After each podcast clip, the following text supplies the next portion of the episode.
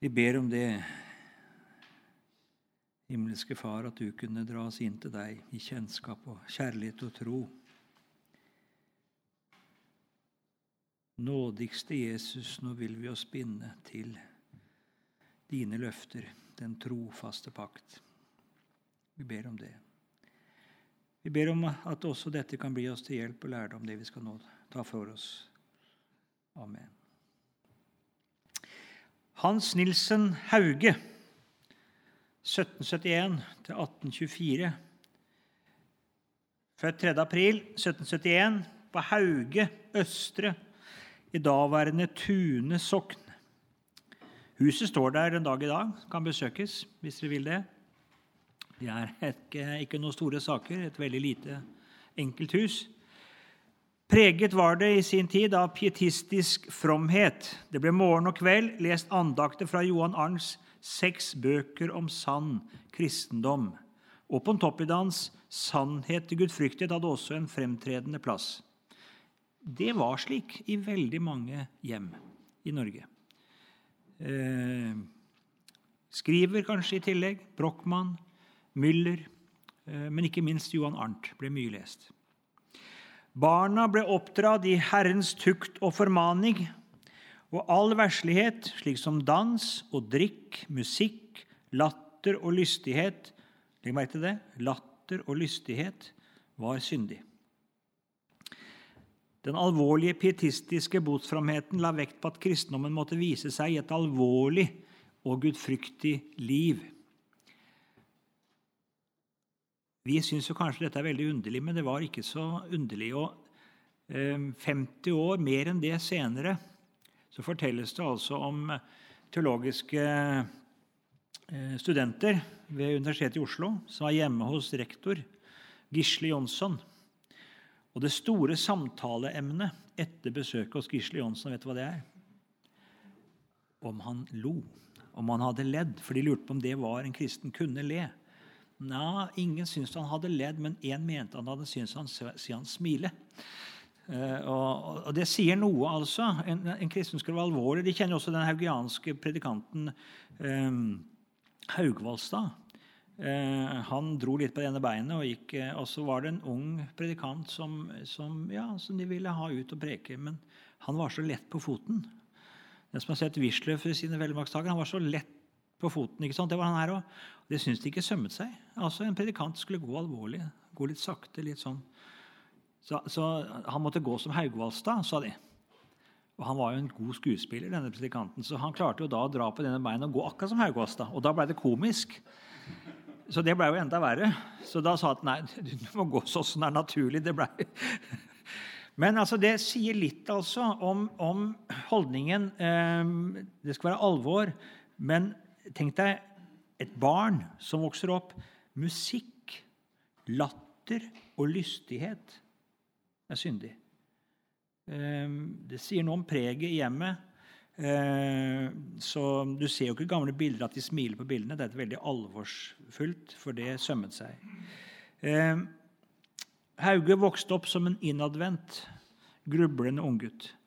Tok lite og ingen del i de andres lek og latter befatte seg helst med åndelige tanker og sysler. Det er litt viktig å understreke det, for han beskriver sin egen barndom og ungdom som meget verslig. Men dette er det som fortelles om han, hvordan han var i sine barneår. Var grepet av frykt for helvete og den evige døds pine, forteller han selv, og i mørket kjente han ofte redsel liksom onde ånder var etter ham. Men i ettertid, når han ser tilbake, altså, så arter barndommen hans seg som full av synd og verslighet.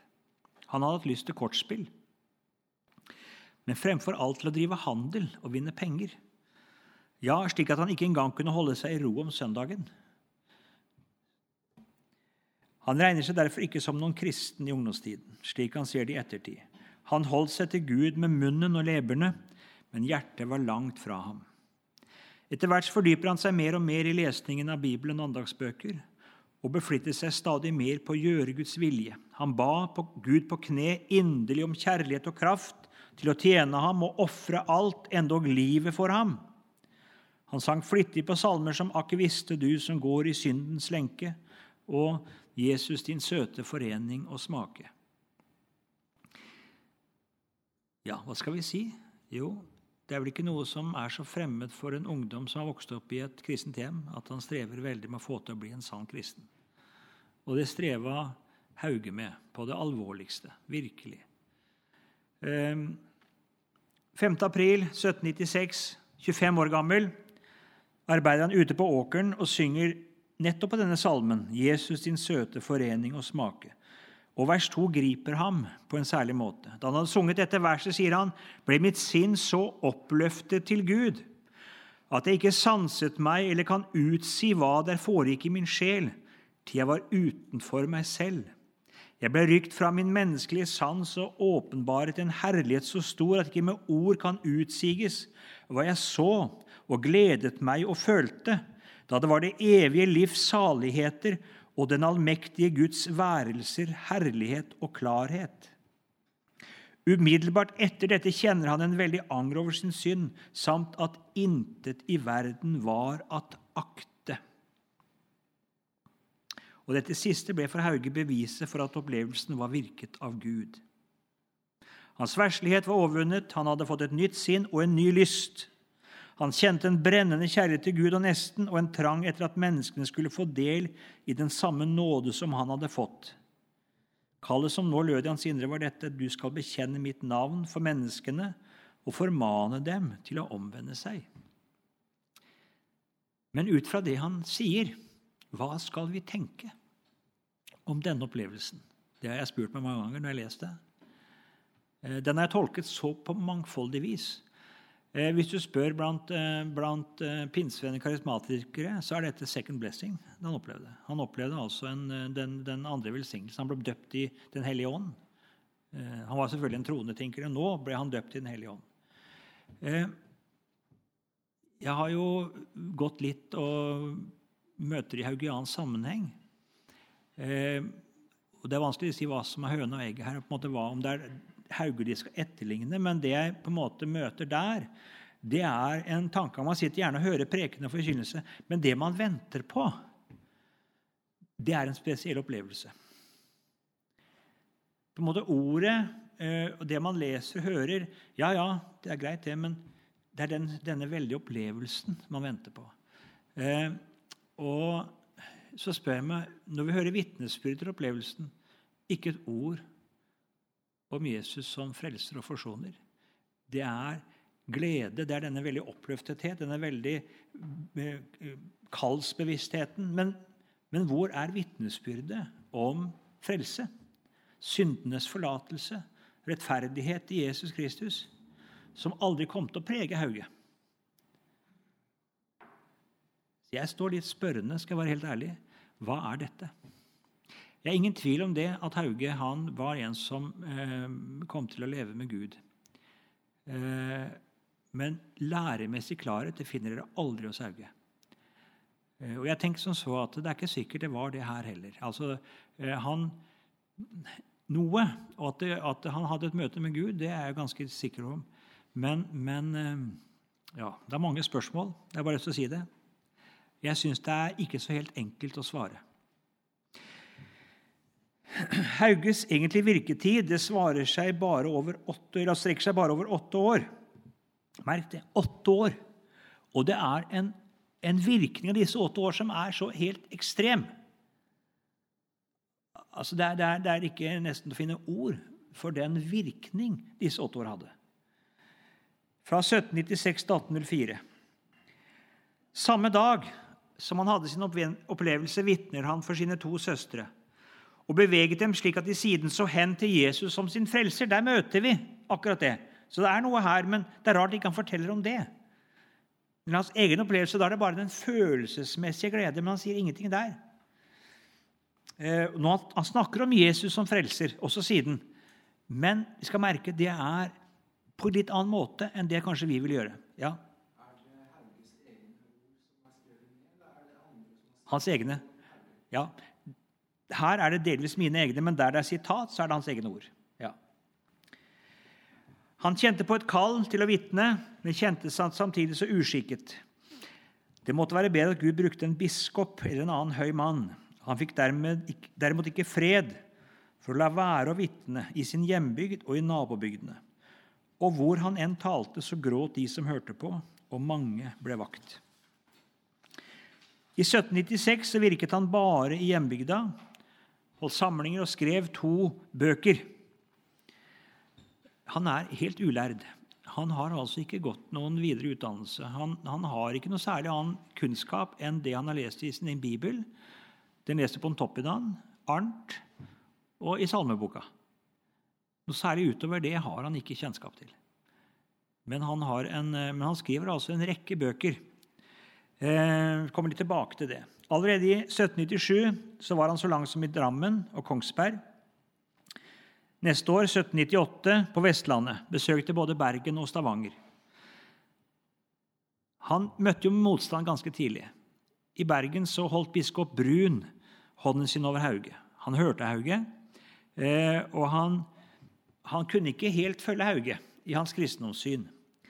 Eh, selv så la Brun vekt mer på det objektive forsoningsverket, selv om han hadde synd for Den hellige ånds gjenfødende gjerning.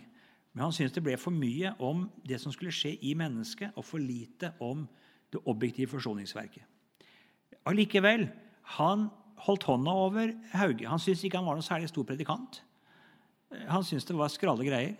Eh, men han syntes ikke det var rett å stanse han. Han syntes ikke det var noen grunn til å fengsle han. syntes ikke det var noe, noe, fare med å la han virke.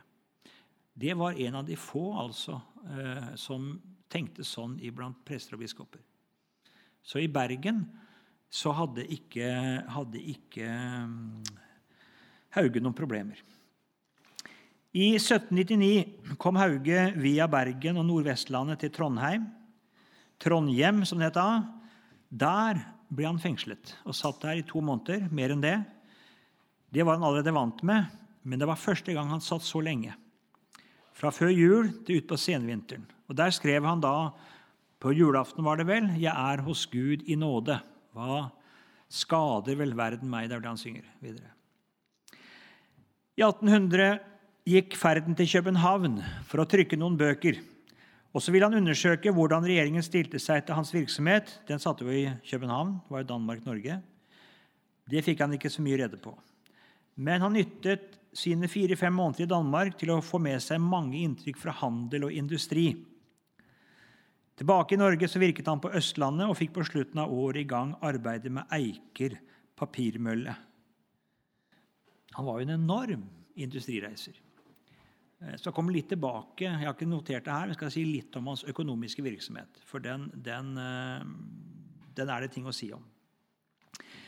I 1801 gikk ferden over Hallingdal og Sogn og sørover kysten til Bergen. Der tar han handelsborgerskap og Så drar han samme år nordover for å kjøpe opp fisk. Jeg vil si litt om det. Han kjøper jeg husker om det er nå, men jeg tror det er nå, han kjøper en båt. En relativt stor båt. Eh, å, eh, og han har med seg varer også nordover. Det er sprit. Eh, og så kjøper han fisk. Så han driver på en måte toveishandel. Han selger sprit, han var vokst opp med det at man ikke skulle drikke, ikke sant? men han har ingen problemer med å selge sprit. Det er en lovlig handelsvare, og det selger han. Eh, vi vet nå alkoholens skadevirker i Nord-Norge, men det virker ikke som han har noen problemer med å selge det. Det er en lovlig handelsvare. Det selger han. Eh, denne båten han bruker, den viser seg å være pill råtten. Han har blitt lurt. Han selger den videre på samme vis. Forteller ikke at den er pill råtten, og kvitter seg med problemet eh, uten at det blir for stort tap. Så det er noen ting å si her. Men han hadde på en måte et veldig Som på en måte forretningsmann så var han på en måte eh, Han var en dyktig forretningsmann, men jeg tror vel at noen av oss ville hatt problemer med å operere på den måten. For, for, for han, han, forteller ikke om han, han har blitt lurt, han har blitt kjøpt, men han selger videre på samme måte. Han selger lovlige varer uten noe, videre tanke på hvordan de blir brukt, og hva de kan føre med seg. Så det er noen sånne ting som jeg tror kanskje vi ville reflektert litt over. Eh, han reiser da eh, etter, altså i, 1802 så reiser han fra Bergen over Lærdal og Hallingdal, Numedal og Eiker og hjem til Tune. Og så til Tønsberg, Skien, over Røldal og Suldal og til Bergen. På han går. Og, det er altså, eh, og han stanser jo der han går. ikke sant? Nesten overalt så stanser han. Han kan ha opptil fire møter om dagen. Eh, og tar inn der han finner seg. ikke sant? Og, så, og, og veldig aktiv. altså, og, og, stanser opp. ikke sant? Jeg kommer tilbake til det. jeg skal ikke igjen. Var han stort sett kjent på forhånd der han kom? Nei. Ja, han ble jo kjent. Etter hvert så Ryktene går jo om han. Så, så de, de, etter hvert så er det sånn at de vet hvem som kommer. Så det er det, Sånn er det. Men til å begynne var han ikke det. Han var jo en vill fremmed. Ja. Ingen ordinasjon. Ehm, så igjen, i 1803 går turen nordover for å kjøpe fisk. Han kommer så langt som til Tromsø. Overalt hvor han kom, da, så holdt han forsamlinger. I Indre Troms var det mange innflyttede bønder fra Østerdalen og Gudbrandsdalen som tok imot Hauges forkynnelse. Og Siden flyttet mange haugianere også til Indre Troms, og det preger til dels Indre Troms den dag i dag. Det er skrevet for en del år siden, det her, sånn, det manuset her, så, sånn at, eh, men jeg tror fortsatt det er noe av det. Vinteren 1803-1804 så reiser Hauge via Namdalen og Trondheim, nedover Gudbrandsdalen og rundt på hele Østlandet, over Telemark til Setesdal og Kristiansand. Derfra over til Jæren, til Stavanger og så til Bergen. I løpet av 15 måneder hadde han tilbakelagt til sammen 7000 km. Det meste til fots. Han må ha vært en utrolig sprek mann etter hvert. altså. Eh, Overalt hvor han kom, holdt han samlinger. Og så skjøttet han forretningsdriften. Reiste ofte til langt på natt og kunne i løpet av én dag holde opptil fire møter. Og Hele tiden var det spørsmål etter ham, så han måtte gjøre mange avstikkere for å komme, eh, ja, imøtekomme ønsker om å tale i bygder som var utenfor reiseruta. Mens han gikk, så pleide han å strikke. Han måtte nytte tida. Det er altså tidsfordriv. Det ville han ikke ha noe av. Det var verdslig. Så du måtte nytte tiden. Da han gikk, så kunne han strikke. Så gjorde han det. Dovenskap var for Haugen like så stor synd som drukkenskap og verstlig livsførsel. Og Der han ble noen tid, så innbandt han ofte bøker. Var han hos bønder, så hjalp han dem i arbeidet og laget bedre redskaper.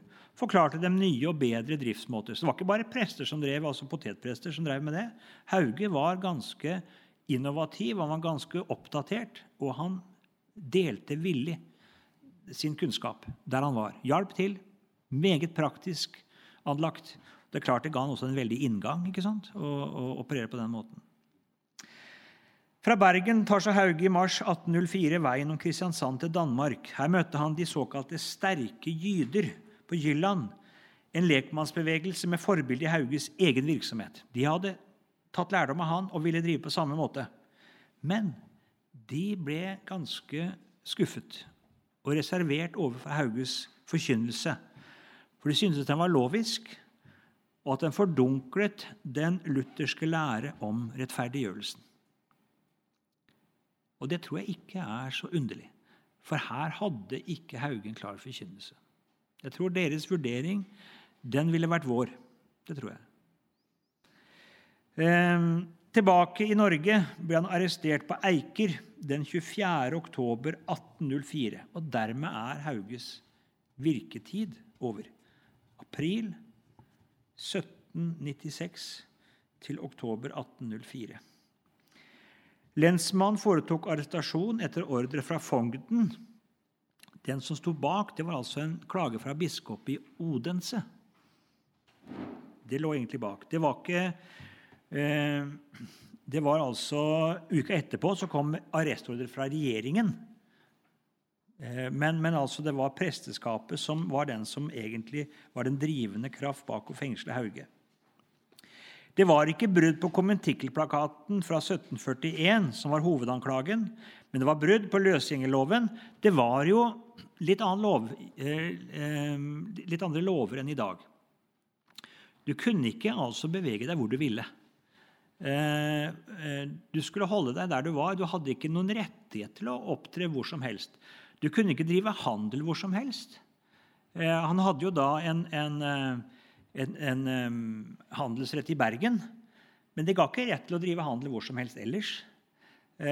Og trykkefrihetsloven altså det var, det var forskjellige lover. Og det er ikke tvil om det at noe av disse ting eh, tror jeg stort sett myndigheten ikke hadde brydd seg om. Det var nok relativt hvilende lover, en del av dette her. Men på Hauge så ble det anvendt. Eh, og, og han, ble ikke, han ble jo ikke dømt for disse tinga. Det var jo for brudd på konventikkelplakaten han til slutt ble dømt. Eh, men det var egentlig bare en biting, dette med brudd på konventikkelplakaten til å begynne med.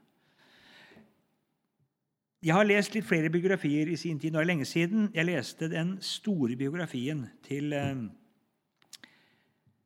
eh, Det er vel Hva heter han igjen, da? Ja, Nordborg. Eh, en veldig stor biografi. Og han tar opp jeg skal nevne litt her, han tar opp eh, litt, ganske mye om Hauges økonomiske virksomhet. Eh, og der, Det er egentlig litt underlig at han ikke blir dømt for den. Den er oppe, men jeg tror ikke da han kommer til stykket at man på en måte finner, finner kanskje bevis nok eller dekning nok for å dømme han for det. Men der er det nok ting som minner om det vi vil kalle pyramideselskap. Pyramideselskap. Eh, han, han, eh, hadde, han, hadde, jo vært i kontakt med, med hernutterne i Østfold. Der nærheten han bodde, så var det en prest som heter Seberg og hadde mye kontakt med dem. Og der var det, Blant hernutterne til brødresamfunnet så var det litt sånn eiendomsfellesskap. Det var det i Hernhut, ikke sant? og det var, det, det var liksom ideal. Og det hadde han tatt til seg. Selv om han var veldig kritisk til hernutismen etter hvert, så hadde han, var det ting der, både lekmannsvirksomheten, forkynnelsen og dette med eiendomsfellesskap, det tiltalte Hauge. Eh, og han, han ble anklaget for å ha hatt en såkalt hellig kasse. Eh, det fant man ikke at han hadde hatt. Men det Hauge gjør mye, det er at han, eh, han eh, starter virksomhet, og så ansetter han jo da haugianere, venner han har. Men hvordan skal han finansiere? Jo, han sier 'selg gården din', og så begynn å jobbe her. Og så går du inn med pengene for gården. ikke sant? Det går du inn. Eh, og så fikk de, og Mange av disse her, ja, de, de, fikk en god stilling, og de tjente, og de hadde det greit. i og for seg. Men så hendte det gikk dårlig. Da skriver han et brev til andre haugianere. Selg gården din. Og hjelp den virksomheten. ikke sant? Og det, Han hadde en sånn stor tillit og stor autoritet at det gjorde man. Og hadde han ikke hatt den tilliten, og noen sagt nei, jeg selger ikke gården min, da hadde flere av virksomhetene gått konkurs. Og da hadde disse som hadde solgt gården sin, ikke sant, de hadde sittet der igjen. Eh, så det at han hadde denne Og mange ganger altså, så var det så nære at hele på en måte byggverket raste. Men han klarte altså ved å sende ut brev og trygle og be, og mer enn det, altså. Det var ganske sterke på en måte ord han brukte for å få vennene til å skaffe penger. Men dermed så gikk det. Eh, og det, så det, det ligna på et pyramidespill, for her var det mange som på en måte bidro. Eh, og, og, eh, og, eh, mange som bidro med enorme summer for å få disse prosjektene til å gå. Men det gikk. Men jeg vil igjen si det er det, Jeg syns en del av dette her var over grensen til det vil si altså eh, å gjøre forretning på andres vegne. altså Å bruke andres penger og på en måte basere det på andres penger. Eh, men det var ikke snakk om Eh, for personlig berikelse. Overhodet ikke, altså. Eh, det var ingen sånne ting, men det var altså så dristig og så til dels uansvarlig at jeg syns det er på grensen. Men, men, og med voldsomme bønner og enorm korrespondanse for å få inn penger, så gikk det. Og det gikk jo bra. Veldig mange av disse virksomhetene lever den dag i dag. Forlag og papirvirksomheter altså, som, som har levd i generasjoner som han starta. Så, så, det var ikke tvil om han var dyktig, og at han hadde en enorm eh, dristighet.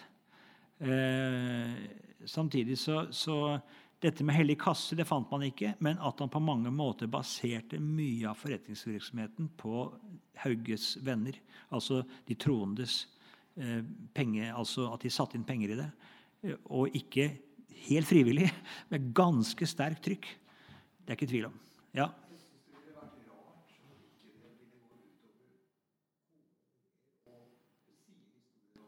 Nei, det, altså, det, det, det, at det gikk bra For disse her fikk jo arbeid, og de ble jo ledere. ikke sant? De ble jo på en måte ledere på forlag og papirmøller og, og diverse virksomheter. Så de fikk jo Ja, ja de måtte flytte fra gården, ja. ja. Men de fikk jo da bosatt seg jo da, ikke sant, knytta til de virksomhetene som de flytta til. ja. Så Noen selvfølgelig var nok på at de satte inn penger på en måte det, som, som, et innskudd som de kunne få forrentning på en gang i tida. Eh, og det gjorde de nok også. Slik at de ble på en måte, Hvor mye det var aksjeselskap, vet jeg ikke, altså, men det var noe i den. Eh, så man gikk jo inn også med, ble boende på sine virksomheter, men tok opp lån kanskje på gården sin og satte inn penger for å, for å hjelpe disse virksomhetene. Ja, det står en del om den der. Og det, når jeg leste det, og ganske grundig dokumentert, så tenker jeg det at uh, her er det ting som det er grunn til også ikke bare bejuble. Eh, for, for, dette kunne gått aldeles galt. Nå skal vi regne med Gud også og på en måte at uh, dette var gjort i god hensikt, og, uh, og det var på en måte Som industrireising og som på en måte utvikling av Norge så var det jo enestående. Hadde en enorm betydning. og samtidig så tenker du at det var kanskje hasard. Eh, samtidig. Eh, og andre, med andres penger. Han sa seg egne òg, altså, men det var mye andres penger eh, som han baserte det på. Ja. som sagt, det var altså ikke dette han ble dømt for. Det var for brudd på konventikkelplakaten. og som sagt, det, og det var bare en biting i starten. Ehm, det var på en måte bare, det var ikke det som var hovedanklagene. Hovedanklagene de viste seg urimelige, og så dømte man for det. Um, rettssaken den dro ut. Det var jo flere årsaker. Det var datidens rettsordning. Og regjeringen i København den krevde å bli underrettet hele tiden. Og så skulle man hente inn vitner, flere hundre forhør fra det ganske land for å på en måte få på rede hva som hadde skjedd, hvordan man opptrådt og sånne ting. og det var ikke så mye hold i mye av dette, her, det, men, men, det var lang tid. Så var det napoleonskrigene her i tida. Det var vanskelige tider i Norge. Eh, og Mye av dette gjorde at det hele dro ut. Hauge satt inne. Han hadde vært interessert og lært seg mange ting. Og han fikk jo da eh, dra ut av fengselet, ble henta ut og oppretta da saltkokeri langs kysten. Det er jo, Du tenker på det, altså hvordan det går an at staten ikke sant, tar han ut og han, han tjener land og så er inn igjen. Eh, altså det er Uverdig behandling må si det, av, eh, av Hauge. Fullstendig uverdig. Og Fengselsforholdene var jo elendige. Han ble brutt ned. Han døde jo ganske ung. Han ble ingen gammel mann. Eh, og fengseloppholdet er nok skyld i det. Og Den Hauge vi møter, han sitter også i fengsel og leser, får tilgang på litteratur. Og det han leser, det er jo ikke eh, særlig bra ting. Han leser mye moderne teologi. Han har jo ikke lest noe særlig. Og leser mye moderne teologi med ganske kritiske synspunkter. Og han blir ikke upåvirka av det. Slik at han er en endret og knekt mann på mange måter han kommer ut av fengselet. Eh, den djerve frimodigheten er borte. Han bøyer av for både regjering og geistlighet. Og det uttrykker ikke minst testamentet hans, hvor han på en måte den djervheten og den på en måte pågangsmotet og den frimodige lekmannsvirksomheten han er talsmann for, den er borte. Nå er det å på en måte innordne seg og, og, og benytte seg av de lokale prester, som testamentet uttrykker. Da saken kom opp til doms i desember 1813, ble Hauge dømt til to års straffarbeid for brudd på konventikkelplakaten og en bot på 1000 riksdaler for brudd på trykkefrihetsforordningen. Han slapp å sone. Han hadde sittet inne så mange år allerede. Og vennene betalte boten. Han hadde allerede i to år fått bo på Bakke gård i Aker og hadde reist til og fra rettsforhandlingene. Gifta seg i 1815, mista kona i barselseng samme år og gifta seg på, så igjen i 1817. og Da flyttet han til Bredtvet i Østre Aker. De siste årene har Hauge mye syk. Han reiste lite og ingenting, men desto flere besøkte ham og han skrev brev med mange.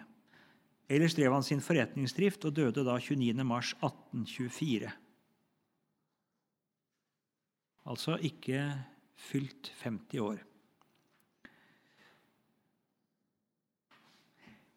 Vi skal, vi skal bare nevne hva som særmerkte Hauge, men vi skal vente litt med, med, til, til, i morgen med å snakke om eh, og læra hans. Vi skal huske på det. Han var altså bare 25 år når han starta sin forkynnergjerning. Han hadde ingen utdannelse, bortsett fra det han hadde opplevd og lest i hjemmet og hjembygda. Og det må vi ta i betraktning. Vi må ikke dømme han for hardt. Han var altså ingen utdanna eh, person med lang erfaring. Eh, så vi må ikke dømme han for strengt. Det er, det er, ikke vanskelig å finne svikt og svakheter og feil hos Hauge. På ingen måte. Og likevel må vi si det. Han gjorde en uendelig innsats. Og hans eh, Jeg reiste rundt eller jeg har jo besøkt noen steder av Norge. og så husker jeg Et sted jeg reiste, så var jeg sammen med en, og så sier han det. Her i denne bygda var Hauge. Det er fortsatt levende kristendom. Neste bygd, her var det ikke Hauge. Det er ikke noe bedehus, det er ingenting her. Altså, det er, det er enormt. Altså, hvordan Der Hauge var, så ble det et lekmannsarbeid, et kristent arbeid, som på en måte du kunne se 150 år seinere. Og der han ikke var, så kunne også det ses det er, det er underlig. Eh, det var en innflytelse ut fra denne enkle mannen som var helt enorm. Eh, og det er vanskelig å forklare det. Absolutt vanskelig å forklare det. Eh, jeg hørte foredrag av Hope om Hauge. Da var det vel 100-årsjubileet. Eller kanskje seinere. Kanskje det var 150 års, tenker jeg det var. Han har skrevet det, kan du lese. Og så skriver han litt om Hauges bøker. Og så sier han det er vel ikke mange her som har lest det, eller noe sånt, sier Hauge, og det, eller Hope. Og det er ikke så mye å lese heller, gir Hope uttrykk for. Det er ganske, det er ikke noe særlig. Så han også undrer seg hva er det For læremessig så er det hjelpeløst. Rett og slett hjelpeløst. Uklart. Vi vil, vi definert det som vranglære, mye av dette her. Kvalifisert vranglære, altså. Eh, og, eh, og likevel det er en mann som lever med Gud, og som det går en enorm eh, åndelig kraft ut ifra. Og Det lærer oss noe å si det at Gud har utvalgt det som ingenting er. En som ikke har det klart, altså læremessig, men han lever med Gud i sin enfoldighet. Og han har, en, har altså, de, de, som møter han, de får et møte med Gud. Et voldsomt sterkt kall til omvendelse. Men han er nok i liten grad i stand til å hjelpe dem virkelig fram til en avklaring. Og Derfor vil, kommer hauganismen til å bære preg av det. At den er en bevegelse som har lite klarhet når det gjelder frelsen. Så kommer heldigvis Gisle Jonsson og prester, gode prester, og så kommer rosenianismen seinere og får være til stor hjelp. Og Likevel, de bygger på det som Haug har gjort. Eh, det har skjedd en grunnleggende holdning til Guds ord en grunnleggende som gjør at de får på en måte komme på en måte til litt dekka bord. Hauge var plogspissen altså, som virkelig brøyt land. Eh, husk på Når han står fram, så er vi i, i en tid hvor Den norske kirke ligger nesten helt død med brukket rygg. Det er knapt en troende prest. Det er altså så elendig. De har makt, og vi snakker om potetprester, det er, men det er ingen åndelig rik tid. Det er en død tid. Også i løpet av åtte år så er hele landet på mange måter eh, blitt preget av denne mannen. Det er ganske enestående. Det er det. Eh, det som er tre punkter kan vi si, preger hans gjerning. Lekmannsforkynnelsen og frie samlinger om Guds ord. Vi så det at i Vestfoldpietismen 70 år tidligere så var det antydninger til det. Eh, Hauge var veldig lite i Vestfold. og Likevel er det litt interessant at her i Vestfold så har vi hatt også et ganske friskt lekmannsarbeid. Til tross for at Hauge ikke var her. Han var nok så vidt igjennom, men lite han har stansa i Vestfold. I Telemark var han, i Buskerud var han, men lite her. Og Likevel har det vært et åndelig rikt arbeid. Det må vi gå tilbake til, til eh, pietismen på 1730-tallet. Med prester som starta med konventikler eh, og manns- og kvinneforeninger. Men det er på en måte disse samlingene om Guds ord i hjemmene, uavhengig av prest, det var noe som Hauge gjorde overalt. Og det har vært et særmerke for norsk kristendom. Den voldsomme, sterke plassen lekmannsforkynnelsen og de frie samlingene om Guds ord har hatt i Norge, det tror jeg ikke det er noe sted jeg vil nesten si i verden du møter det på samme måte. Det er noe som er ganske spesielt. Jeg møtte eh, noen amerikanere fra Missouri-synoden nede i Moldova andre gang jeg var der. De var på en måte, ene hadde jo norsk navn. Eh, han het Quill. Og det skreves jo Kvelde, så jeg tenkte at det kan jo være en viss eh, slektskap fra min hjembygd. Men lekmannsvirksomhet, altså, det var helt fremmed. Det var presten, ikke sant? Som det ordinerte prest. Det var, så det var på en måte eh, bare undring at vi kunne ha det sånn. Men vi er jo på vei tilbake til det. Altså, på bedehusene nå Ja. så er det en ganske passiv flokk ofte, og så kommer ikke presten, men forkynneren, da. Ja, ja, det er sant, det. Så det, en- det, vitne, det sterke personlige vitnesbyrdet vitne, Mange av disse som reiste rundt, de var ikke predikanter. Men de var også bønder, forskjellige, som, som, som dro på vennebesøk, ofte to og to, og besøkte hverandre. Og det var altså eh, mange år etterpå, altså, ja, helt fram til min barndomstid. Nå er det slutt. Men da var det en del sånne De kalte det litt sånn for ja, hva kalte man det da? Men, men det var på en måte sånne sammenslutninger hvor det var en del sånne som reiste ut to og to. og de, de hadde på en måte noen samlinger også. De var ikke lønnede predikanter i organisasjonene. Men det var på en måte sånne ja, Jeg har glemt hva det heter. Men det, sånne var det rundt omkring. Eh, og det var på en måte, så Man hadde jo folk å spørre. Og de kom ikke så rent sjelden to og to, for det var litt typisk for det haugianske. At man reiste to og to. Hæ? Ja, men de kalte disse her på en måte Det var ikke vitneforeninger, men det var en sånn um, broderinger, kunne man kalle det. Og man hadde sånne på en måte som var Det var brødre. Eh, og det er klart, Høre ordet brodering, eh, at det er noe av det, det, det hernhuttiske brødrevennene som klinger igjen, som, men det er fra Hauge, dette her. Ja. Læren med Hauge, hva var typisk der? Jo, det var nåden alene. Men ikke troen alene. Det var ikke så klart. Men nåden alene. Eh, nåden ble nok Vi kan ikke si at det var forstått i katolsk retning i den forstand, men det var klart det var mye mer vekt på nåden som livsforvandling enn som syndenes forlatelse og tilregnelse av Jesu rettferdighet. Det var ikke særlig framtredende. Eh, men det var nåden som fødte deg på ny og forvandlet deg. Og Derfor også livet det var Jesu etterfølgelse og likedannelse hans bilde. Så kommer jeg mer igjen, Jeg skal ikke ta noe mer i dag, men jeg skal komme inn på det i. Bare et lite sitat fra en av hans bøker. Jeg leste litt da jeg jobba med det foredraget her. For å se hva lærer du egentlig. Og så skriver han et sted. Han stiller spørsmålet om en hedning som ikke har møtt Guds ord, kan bli frelst.